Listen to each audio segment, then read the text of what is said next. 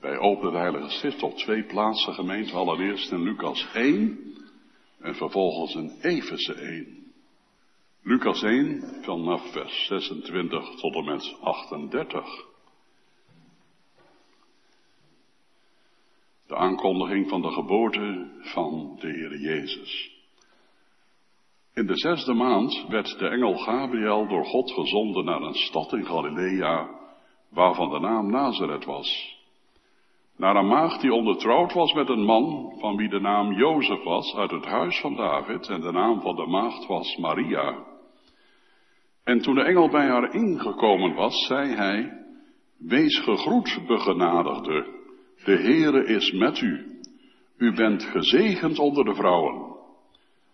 Toen ze hem zag, raakte ze in verwarring door zijn woorden. En ze vroeg zich af wat de betekenis van deze groet kon zijn. En de engel zei tegen haar, wees niet bevreesd Maria, want u hebt genade gevonden bij God. En zie, u zult zwanger worden en een zoon baren, en u zult hem de naam Jezus geven. Hij zal groot zijn en de zoon van de Allerhoogste genoemd worden. En God de Heere zal hem de troon van zijn vader David geven. En hij zal over het huis van Jacob koning zijn tot een eeuwigheid. En aan zijn koninkrijk zal geen einde komen. Maria zei tegen de engel, hoe zal dat mogelijk zijn? Aangezien ik geen gemeenschap heb met een man. En de engel antwoordde en zei tegen haar, de Heilige Geest zal over u komen. En de kracht van de Allerhoogste zal u overschaduwen.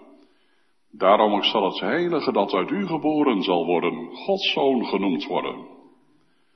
En zie uw nicht Elisabeth is eveneens zwanger van een zoon in haar ouderdom. Dit is de zesde maand voor haar die onvruchtbaar genoemd werd. Want geen ding zal bij God onmogelijk zijn. Maria zei, zie de dienares van de Heere, laat mij geschieden overeenkomstig uw woord. En de engel ging van haar weg. De eerste tekst vindt u in vers 28, de woorden, wees gegroet, begenadigde.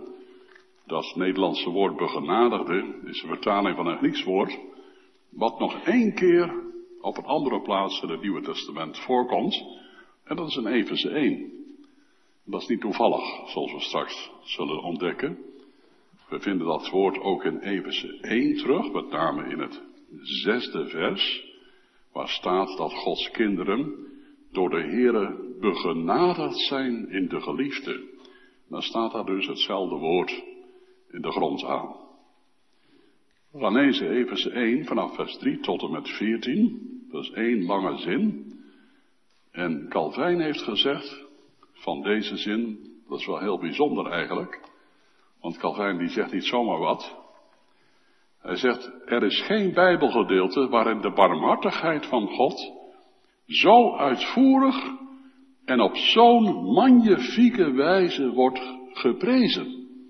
Nou, dat gaat dus over Efeze 1, vers 3 tot en met 14. Laten we het maar gaan lezen. Gezegend zij de God en Vader van onze Heer Jezus Christus, die ons gezegend heeft met alle geestelijke zegen in de hemelse gewesten in Christus. Omdat Hij ons voor de grondlegging van de wereld in Hem uitverkoren heeft.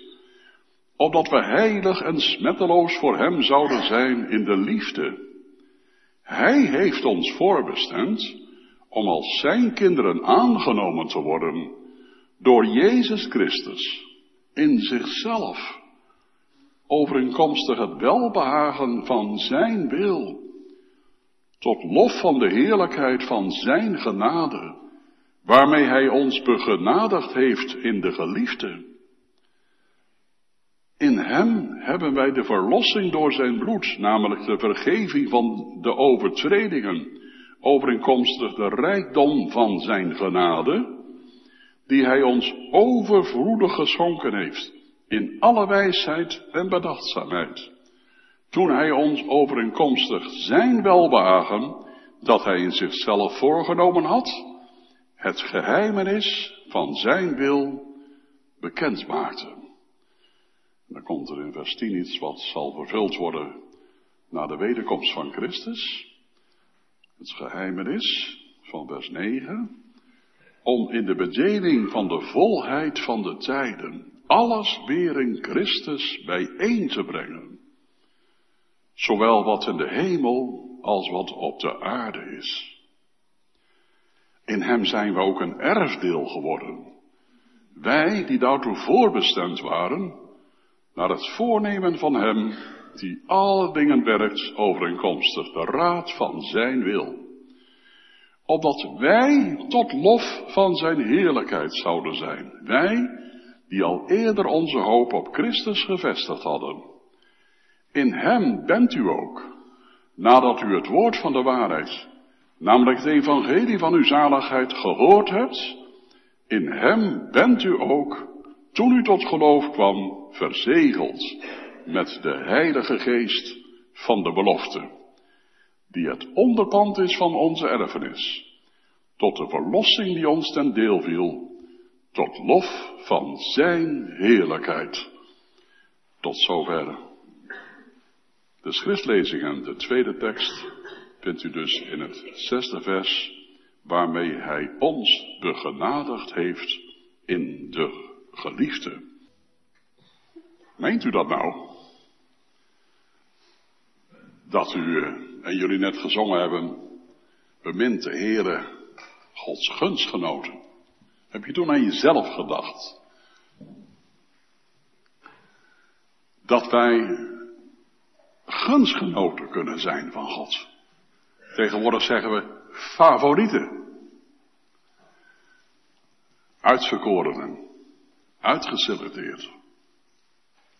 Bijzonder in de ogen van God.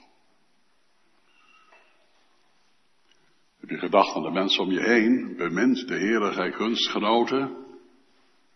Eigen gezinsleden? Ja, wie zijn dat eigenlijk, die gunstgenoten? Dat zijn de mensen die gerechtvaardigd zijn door het geloof. In de Heer Jezus Christus.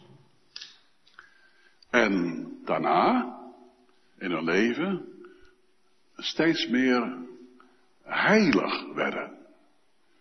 Niet dat ze een aureool om hun hoofd kregen, maar heilig betekent toegewijd. Een leven in God verblijd, aan Hem gewijd.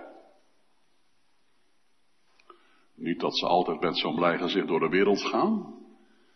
Want zeker als er lichamelijke en psychische ellende, nooddruft, hulpbehoevendheid ontstaat, dan gaat dat niet zomaar. Maar in God verblijd, omdat Hij al wat Hij ooit gezegd heeft zal doen. Dat als we zingen zijn oog slaat bij in liefde gade, dan is dat bijbels.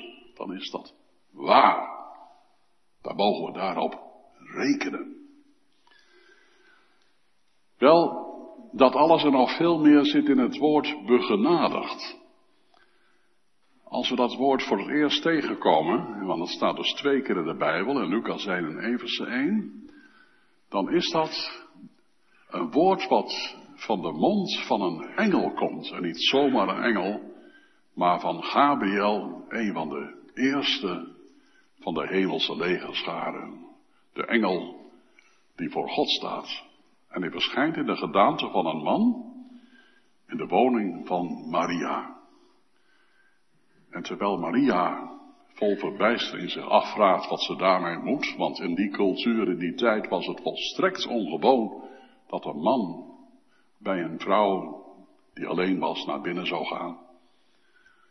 En tegelijkertijd was het ook dat Maria bemerkte er is iets met deze man dat anders is. Ik kan me toch bij deze man veilig voelen. Dat is zo, hè, dat als iemand vervuld is van God, dan kun je bij zo iemand veilig voelen. En dan begint die engel te spreken en dan zegt hij tegen haar, wees gegroet, gij begenadigde door een grote misvatting in de Latijnse Bijbelvertaling, de Vulgata, eh, is dat een eigen leven gaan leiden in wat nu de Rooms-Katholieke Kerk genoemd wordt. En wel als volgt. De Vulgata vertaalde Ave Maria, en u kent waarschijnlijk die twee woordjes wel van een bekend lied. En dan komt er gratia plena, dat is vol van genade. Helaas is dat zo vertaald, want daarmee wordt niet aan de bedoeling van wat de engel zegt recht gedaan. Want door deze vertaling wordt gesuggereerd dat Maria zelf een bron van genade is. Vandaar ook dat Rooms-Katholieke mensen tot haar bidden en haar zien als medeverlosseres, omdat zij ook een bron van genade zou zijn. Ze is immers vol van genade. Maar het woord in de Griekse tekst betekent iets anders. Betekent, wees gegroet, gij gezegende. En dan komt er dat woord wat een heel rijke betekenis heeft. Wees gegroet, gij bekoorlijke. De gewilde. De favoriet. Degene die mij vreugde geeft. Degene die een geschenk voor anderen is. Dat is nogal wat. Dominee, ik moet eh, u eerlijk zeggen, als u dat zo zegt, dan kan ik er wel iets bij voorstellen dat de Rooms-Katholieke mensen Maria heel hoog hebben staan. De bekoorlijke, de gewilde, de geschenk voor anderen, de favoriet, de gunstgenoot. Dat is nogal wat. Dat is het zeker. Zo denkt God dus over Maria.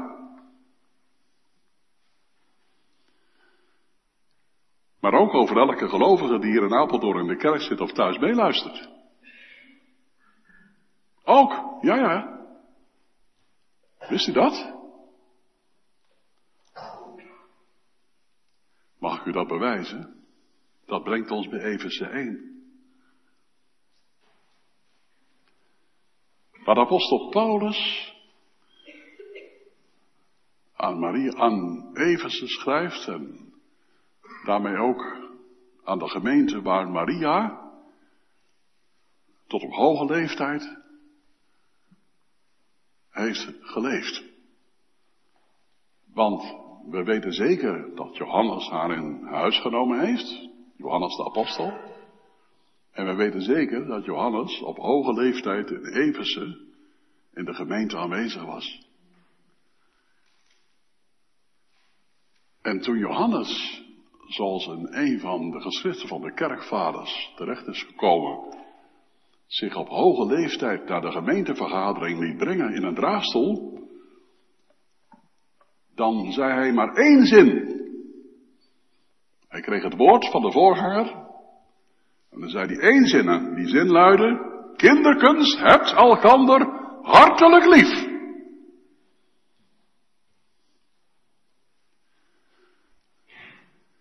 Die gemeente, waar Maria oud is geworden en vermoedelijk ook gestorven is, heeft dan daar nog een brief geschreven aan Ignatius. Maar het is niet helemaal zeker of dat echt kanoniek is, zeg maar ook een echte brief geweest is.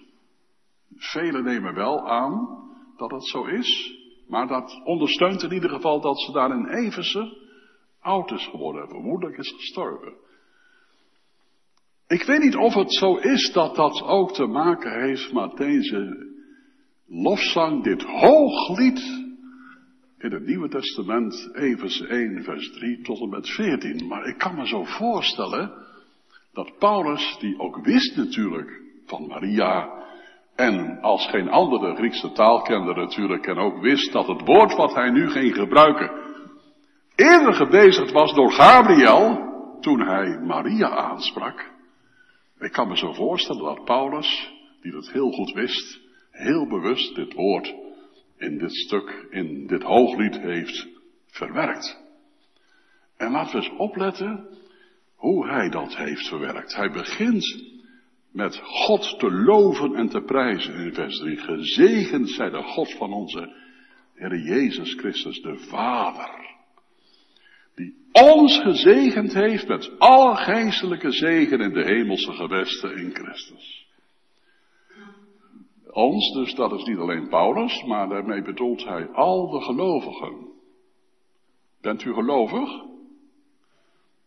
Dan hoor je bij ons. God de Vader die ons gezegend heeft. Omdat hij ons voor de grondlegging van de wereld in hem heeft uitverkoren.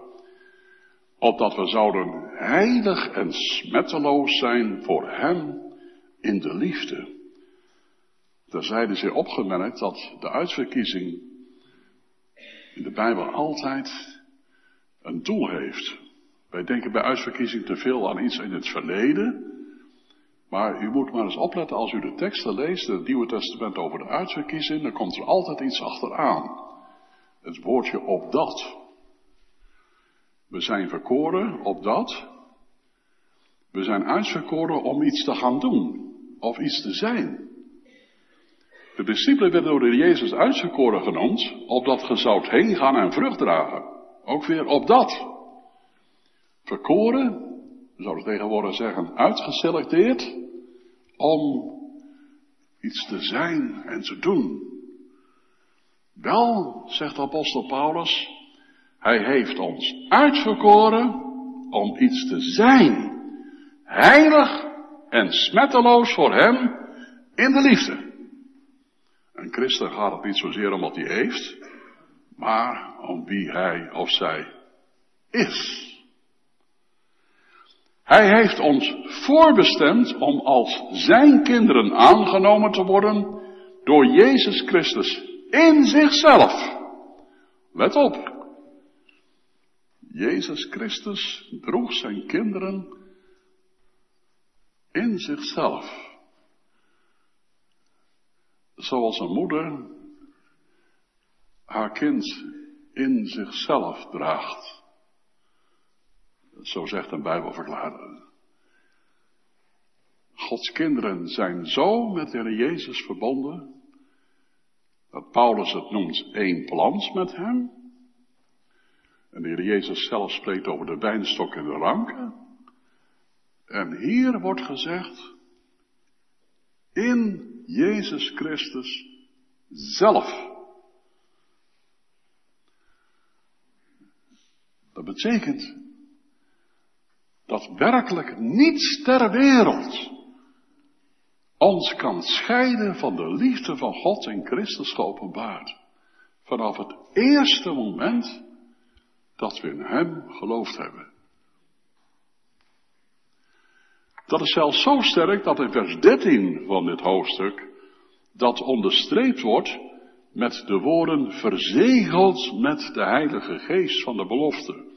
Helaas is in de kerkgeschiedenis binnengeslopen dat wij die verzegeling als een soort nadere weldaad zijn gaan zien, of een second blessing.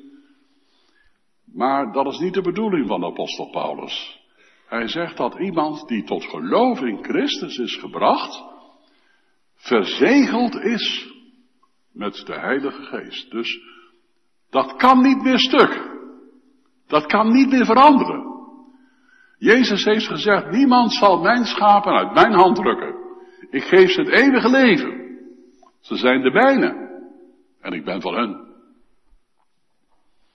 De manier waarop God naar ons kijkt, is anders als hoe wij naar onszelf kijken. Daar kom ik zo op terug. Allereerst dit.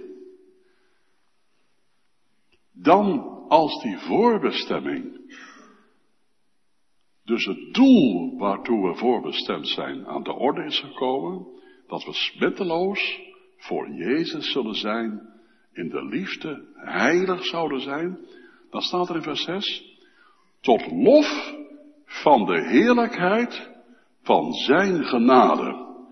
Heerlijkheid is het Bijbelse woord voor glans en glorie tot lof van de heerlijkheid van Zijn genade. Genade is dat alles doordringende wat uit God vloeit en wat ons verbindt aan de Heer Jezus, ons tot geloof brengt in Zijn unieke offer aan het kruis van Golgotha. en ons tot een ander leven brengt. We zijn in plaats van dood levend geworden. De lijn die tevoren dood was, is weer hersteld. Calvijn zegt dood in de zonde betekent dat je je van God had afgekeerd. Door die ruisende godstroom van de genade worden we weer naar God toegekeerd en wordt de band met de Heere die in het paradijs verbroken was hersteld. Maar let op wat hij zegt, tot lof van de heerlijkheid van zijn genade, opdat wij die genade zullen bejubelen. Opdat we die genade zullen loven. Dat zijn we niet zo gewend. We denken bij loven, als we er al aan denken, aan u alleen, u loven wij. Of looft God, looft zijn naam alom. En waar onlangs een lans is gebroken om meer aanbidding en onze kerkdiensten te vervlechten, door Dietrich van Dijk, ons eerste Kamerlid, denk ik dat hij een punt heeft. Alleen, zelf heb ik er nooit zo aan gedacht om de genade te loven. De genade te loven. Tot lof van de heerlijkheid van zijn genade. De glorie en de glans, de schittering, het sprankelende, het altijd nieuwe van Gods creatieve aanwezigheid door zijn genade. En er komt er dubbel overheen, waarmee hij ons begenadigd heeft. Dus om alle misverstand uit te sluiten, wij mogen de genade gaan loven die God ons schenkt, waarmee wij zelf begenadigd zijn. Wij kennen die uitdrukking begenadigd wel in onze cultuur als we het hebben over een begenadigd pianist of muzikus. Een begenadigd politicus. En dan bedoelen we iemand die zeer talentvol is. En ook buitengewone gaven heeft om zijn talenten ook eh, te laten merken en ook die te gebruiken tot nut van andere mensen. Maar begenadigd in de Bijbel heeft, denk aan Maria, vooral te maken met God die zijn ruisende godstroom van de genade in ons laat vloeien en daardoor ons met hemzelf vervult. Dus niet zozeer je bent getalenteerd als wel je bent uitgeselecteerd. Je bent een bekoorlijke, een uitverkorene, en dan mag je denken aan het hooglied, waar de bruidegom zijn bruid bezingt. Gij zijt schoon, mijn vriendin, mijn duiven. Zo denkt de Heere over zijn kinderen. Dus wij mogen de genade prijzen en loven waarmee wij zelf begenadigd zijn. En er staat er iets achteraan wat zeer belangrijk is. Namelijk in de geliefde. De geliefde was een uitdrukking die in het Oude Testament gebruikt werd voor het volk Israël. En hier wordt die gebruikt voor de Heer Jezus. De Heer Jezus is in de plaats van Israël gekomen. Daar zou nog veel over te zeggen zijn, maar dat laten we vanavond maar achterwege. De Heer Jezus is in de plaats van de geliefde Israël gekomen. Dus wij kunnen alleen die genade loven, waarmee we dus begunstigd zijn, in de geliefde. We zeiden straks, Jezus heeft ons uitverkoren en ons tot geloof gebracht en daarmee in zichzelf. Zodat we onlosmakelijk met Hem verbonden zijn. Tot zijn eeuwigheid, dat gaat nooit meer voorbij. En hier herhaalt de apostel dat op een andere manier door te zeggen, je bent begenadigd in de geliefde. Een bijbelverklarer zegt, misschien mogen we het zo zien. Als God de Vader naar ons kijkt, kijkt hij eerst naar de Heer Jezus. En als hij naar zijn zoon kijkt, de zoon van zijn liefde, dan ziet hij ons in hem. In die geliefde aan zijn rechterhand. Dus al zijn kinderen op aarde worden door de Vader in Christus geplaatst. In hem. Nou ja, dan kan een kind onder ons begrijpen, als de band met de Heer Jezus zo nauw is, dan kan dat nooit meer overgaan. Kan dat nooit meer overgaan. Nooit, nooit meer. Wat er ook gebeurt. Wat we meemaken. Hoe de duivel tekeer kan gaan. Hoe de zuigkracht van de wereld ons helemaal in beslag dreigt te nemen. Hoe we gefascineerd kunnen raken door de begeerlijkheid der ogen, de grootheid van het leven en de aanvechtingen.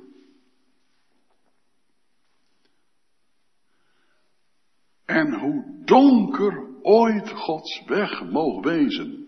En als het niet ooit is omdat je zegt, dominee, ik maak het nu mee. Hoe donker Gods weg mogen wezen. Hij ziet in gunst op die hem vrezen. Gunst begenadigd. We zijn zijn favorieten. We zijn zijn lievelingen. Zo kijkt hij naar ons. Maar ik kan me voorstellen dat u, jullie, met dezelfde bezwaren leven als ikzelf. Ik vind het heel moeilijk om dit te geloven. Misschien valt u dat tegen. Misschien denkt u een dominee die geloven alles. Maar ik heb er waarschijnlijk net zoveel moeite mee als de meeste van u en jullie. Om te geloven, God ziet mij als zijn lieveling, als zijn gunsteling, als zijn favoriet, als zijn lieveling. Judithia. Er zijn een paar redenen waarom ik dat moeilijk kan geloven en die wil ik met u delen. En ook aanreiken hoe we daarmee om moeten gaan. De eerste reden is dat wij blijven zondigen. Blijven zondigen. Dus als we dan goed gekerkt hebben, we hebben in gebedsgemeenschap de aanwezigheid van de Heer kennelijk gesmaakt. Dat is een andere mogelijkheid. Of we waren op ons werk en het begon in één keer in ons te zingen. Zijn oog slaat bij een liefde gade. En je hart stroomde vol vanwege de liefde van God die dat in jouw hart binnenbrengt. En dan nog geen paar minuten later val je in zonde. En dan weet je wel dat in Jacobus staat, broeders achter voor grote vreugde als er geen vele verzoekingen valt, weten dat de beproeving van uw geloof leidzaamheid werkt. Dan denk ik, ja Jacobus, dat is wel waar, maar ja, wat maar? Ik haat het dat ik zondag. Ik heb er zo'n moeite mee.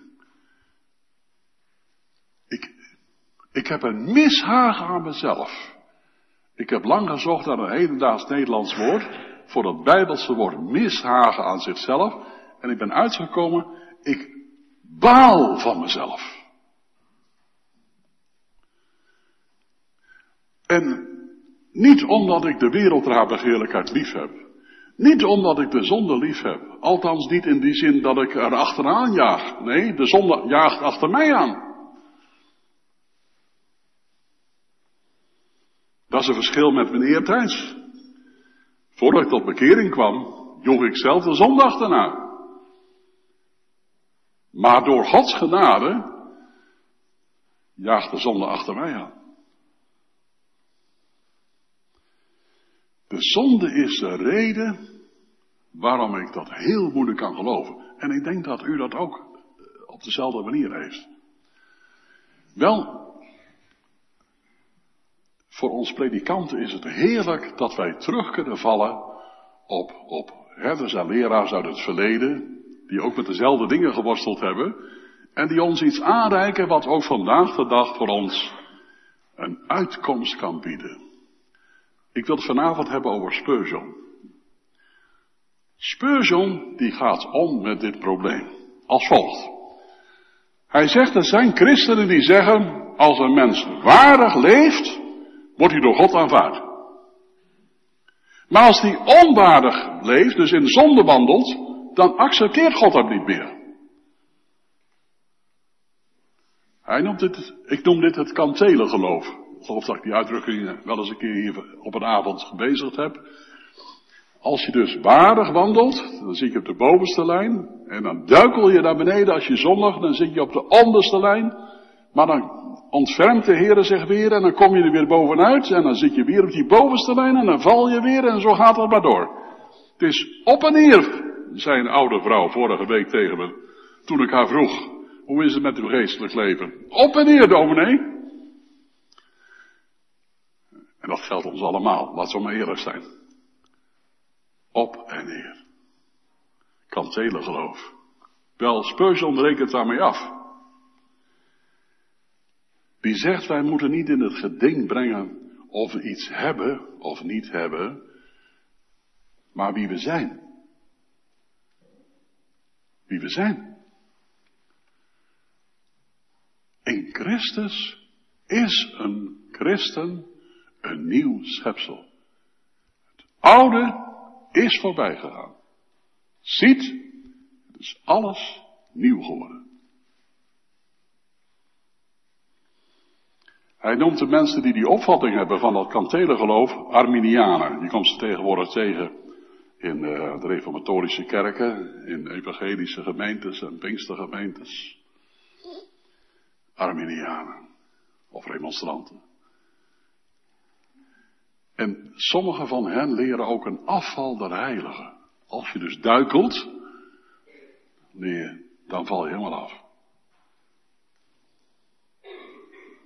Nee, zegt Spurgeon. Als de genade afhankelijk is van wat dan ook in onze levenswandel of in ons werk, dan zouden we vijftig keer per dag in het verbond met God zijn en er buiten vallen. Ik vind het een geweldige uitspraak. Het heeft mij erg geholpen. Wat zegt hij eigenlijk? Ik, Charles Haddon Spurgeon, zondigt minstens 50 keer per dag. Wat eerlijk van een dominee om dat toe te geven. En als die Arminianen gelijk hebben met een geloof, dan gebeurt het 50 keer per dag dat ik uit de genade van God val en weer terug in de genade van God gebracht word. Want een mens gaat net zo vaak zijn zonde beleid als dat hij zondigt. Dat mag je van Spurgeon aannemen. Tenminste, een mens die genade kent. Nee, zegt Spurgeon, het hangt niet af van hoe ik leef, hoe ik denk, hoe God naar mij kijkt. Hij ziet mij in Christus altijd genadig aan. Zelfs als hij zich moet vertoornen en zijn kind roept, ach heren, ik ben uw knecht, uw dienstmaagd, zie niet in toornen, heer. Dan kijkt hij nog met welgevallen naar zijn kind. Want toorn is geen boosheid bij God, maar is op het hart getrapte liefde. Gekwetste liefde. God kan nooit niet lief hebben.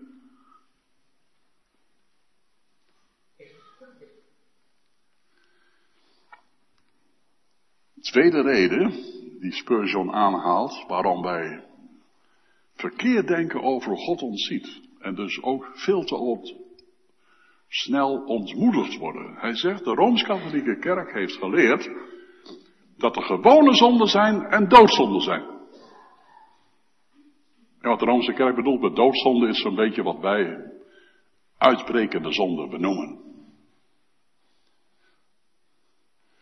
En dan leert de Roomse Kerk, als je zo'n uitbrekende zonde, zo'n doodzonde hebt begaan, dan ben je uit de staat van de genade gevallen.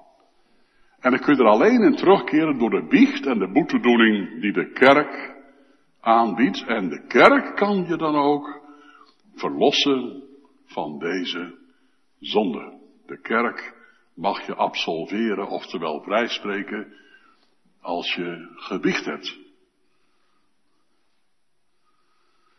Dat suggereert dat als een gelovige gezondigd heeft, en zeker als dat ernstige zonden zijn, dat hij dus van de genade van God vervallen is.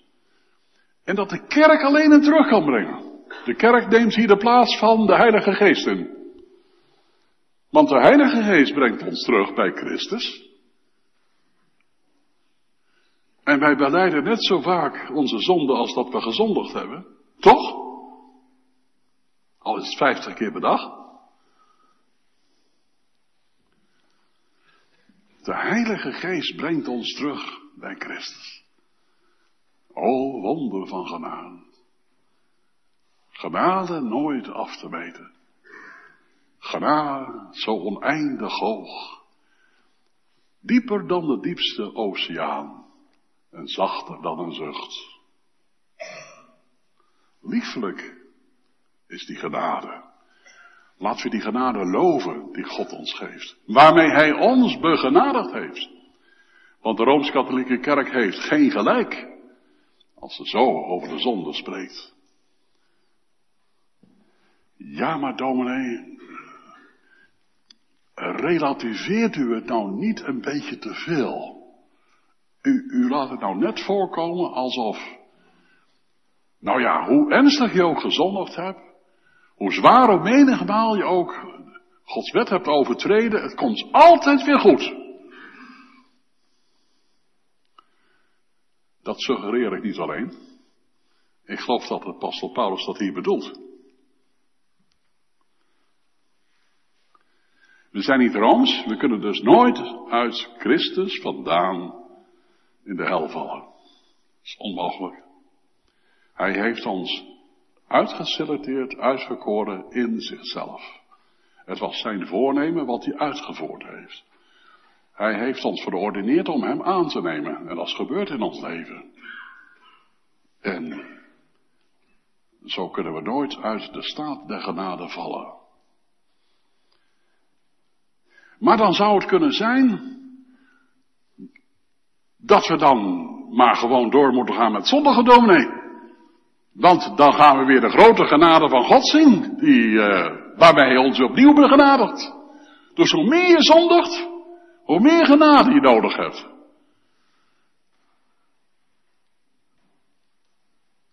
Paulus die zou nu in toren ontsteken. Want hij schrijft, zou ik de zonde doen opdat de genade te meerder worden. En dan zegt hij in het Grieks, mekanoito. Dat zij verre.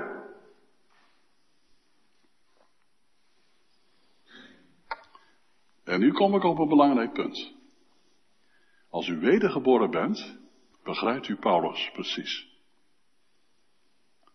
Een christen die een schijnchristen is, geen genade kent, maar zichzelf geloof heeft aangepraat, begrijpt Paulus niet. Die denkt, zonde is niet zo erg.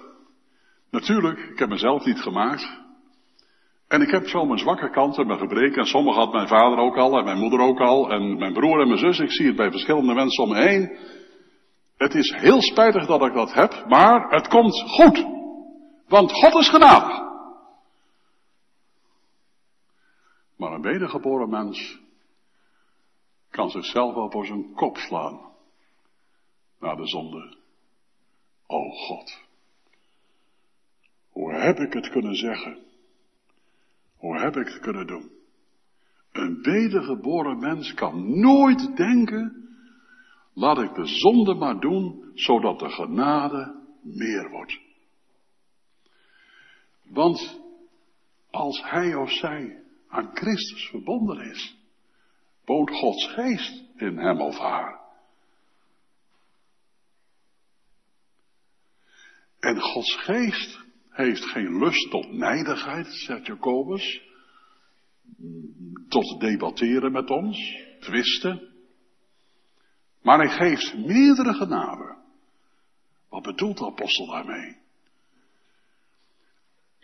Als wij Psalm 51 gaan zingen en na ontvangen genade, denk ik dat Gods kind die vele malen zingt in zijn leven. Met andere woorden misschien, met een ander vers.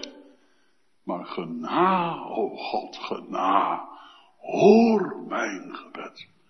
Als we dat zingen, dan is de geest des Heren bezig ons meerdere genade te schenken. Meerdere genade nog. We waren al begunstigd, begenadigd. Meerdere genade. Want dit is wat Jacobus bedoelt. Door die velelei verzoekingen word ik nederig, ootmoedig. Word ik zachtmoedig. Word ik zoals Christus bij het liefst ziet. Aan zijn beeld, gelijkvormig, tenminste in beginsel.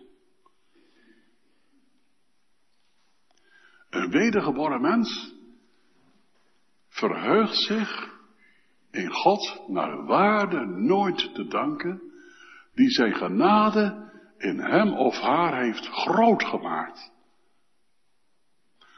En die voor onze welstand waakt, zelfs als we gezondigd hebben. En we met berouw terugkeren tot de Heer. En zeggen, Heere, gedenk niet meer aan het kwaad wat ik heb bedreven. Het worden mij uit gunst, uit genade vergeven. Een wedergeboren mens zegt dat, beleidt dat, en de Heilige Geest is bezig om de genade te vermeerderen. Want hoe meer ik dat ga zien, dat ik in Christus alleen, in de liefde, in de geliefde Christus alleen heilig ben, rein ben, en niet in mezelf. Dat er nog allerlei zonde is die tegen mijn wil en mij is overgebleven. En dat ik toch met het avondmansformulier ben zegt, Heer, en dan geloof ik toch dat, dat u niet verhindert om mij in genade aan te nemen. Want u weet dat ik die zonde haat. Ze zijn tegen mijn wil in mij overgebleven. Herkent u dat? Oh, wat een zegen als je dat herkent bij een kind van God. Wedergeboren tot een levende hoop. Niet meer het eigendom van de Satan, maar het eigendom van Christus. Ken je de enige troost beide in leven en in sterven. Spurgeon zegt, als de zonde een mens buiten Christus plaatst, vraag ik me af wanneer hij erin is omdat we dag in dag uit zondigen. Eenmaal in Christus is voor altijd in Christus. En dan nogmaals, dan zondigen we niet goedkoop. Dan zondigen we zoals mijn vader dat vroeger noemde tegen licht. Hoe meer het licht van Christus schijnt in onze harten, des te meer berouwen we de zonde. En kunnen we rouwen over die rauwe werkelijkheid met AU, dat we in dit leven slechts een beginsel van de gehoorzaamheid hebben. Maar het mag ons niet ertoe brengen om te zeggen, ben ik wel een kind van God? En ik twijfel of ik het ben. Dat mag ons er niet toe brengen om te zeggen, nu ga ik met mijn hoofd naar beneden lopen. En nu ga ik twijfelen of ik ooit nog zalig zal worden. Nee, zegt apostel Paulus, het blijft staan. Eenmaal tot geloof gekomen, voor altijd in Christus. U bent in de geliefde, in Christus, begenadigd. En dan wil Spurgeon ook benadrukken dat God met vreugde naar je kijkt. Hoeveel gelukkiger zouden we zijn als we Hem meer als onze redder zouden eren. Daarom, beste gelovigen, verheug je dat God je begenadigd heeft in de geliefde. In jezelf is niks, maar kijk omhoog. Naar Christus. Want daar heeft hij een welgevallen in. De duivel test je uit. Maar heb goede moed, hij kan je niet vernielen. Want u bent aangenaam in hem, die de kop van de slang heeft verpletterd. Zelfs de hemelingen zijn bij God niet meer behagelijk dan u. Dat is wat. Zelfs de hemelingen zijn niet behagelijker in Gods oog als u.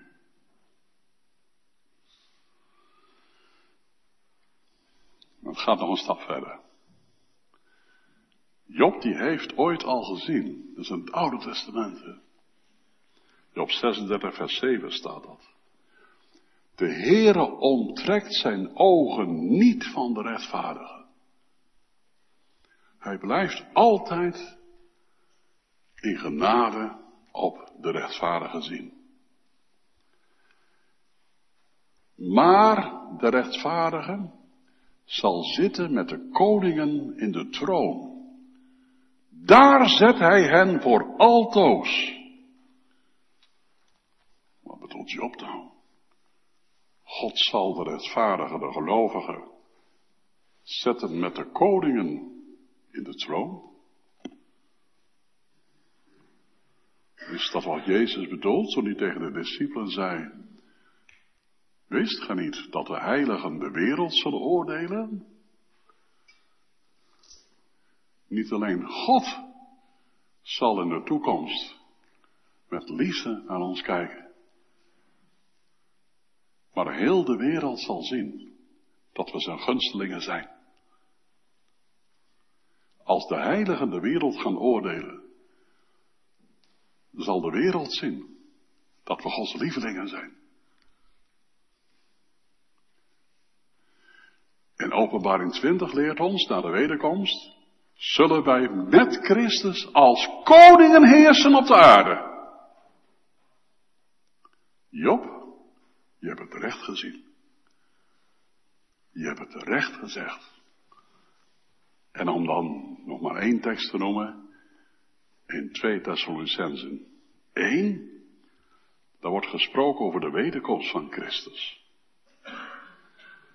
En dan staat er dat de goddelozen tot straf zullen leiden het eeuwig verderf van het aangezicht des Heren en van de heerlijkheid van zijn sterkte. Wanneer hij gekomen zal zijn om verheerlijkt te worden, glans te krijgen in zijn heiligen. Waar we nu in Christus zijn, in hem heilig, onbesmet. Zoals avondmaalsformulier zegt, alsof we nooit zonde gekend of gedaan hadden. Zal het straks ook zo zijn dat Christus zich in ons zal herkennen. En zelfs dat hij glorie en glans zal krijgen in zijn kinderen, die op de dag van zijn wederkomst zijn opgestaan uit de doden en voor hem zullen staan. En hij zal zeggen, Vader, zie hier ik en de kinderen die gij mij gegeven hebt. Ik zal in hem verheerlijkt worden. In hem krijg ik glorie en glans. Want in de veelheid van deze onderdanen is de heerlijkheid van deze koning. Wat een machtige belofte. Ja, zegt Paulus, hij zal wonderbaar worden in allen die geloven. Wonderbaar. Christus wonderbaar in allen die geloven. In heel die schare die daar zal staan. Opgestaan uit de doden in een schitterend nieuw lichaam. De weerglans van het opgestane lichaam van Christus. De heerlijkheid van de koning weerspiegelend. In hen zal hij wonderbaar worden. En heel de wereld zal het zien. Dat wat aan Maria werd gezegd. Wees gegloed, gij begenadigde, voor al Gods kinderen, van alle eeuwen heeft gegolden. Begenadigd in de geliefde, Jezus Christus. Amen.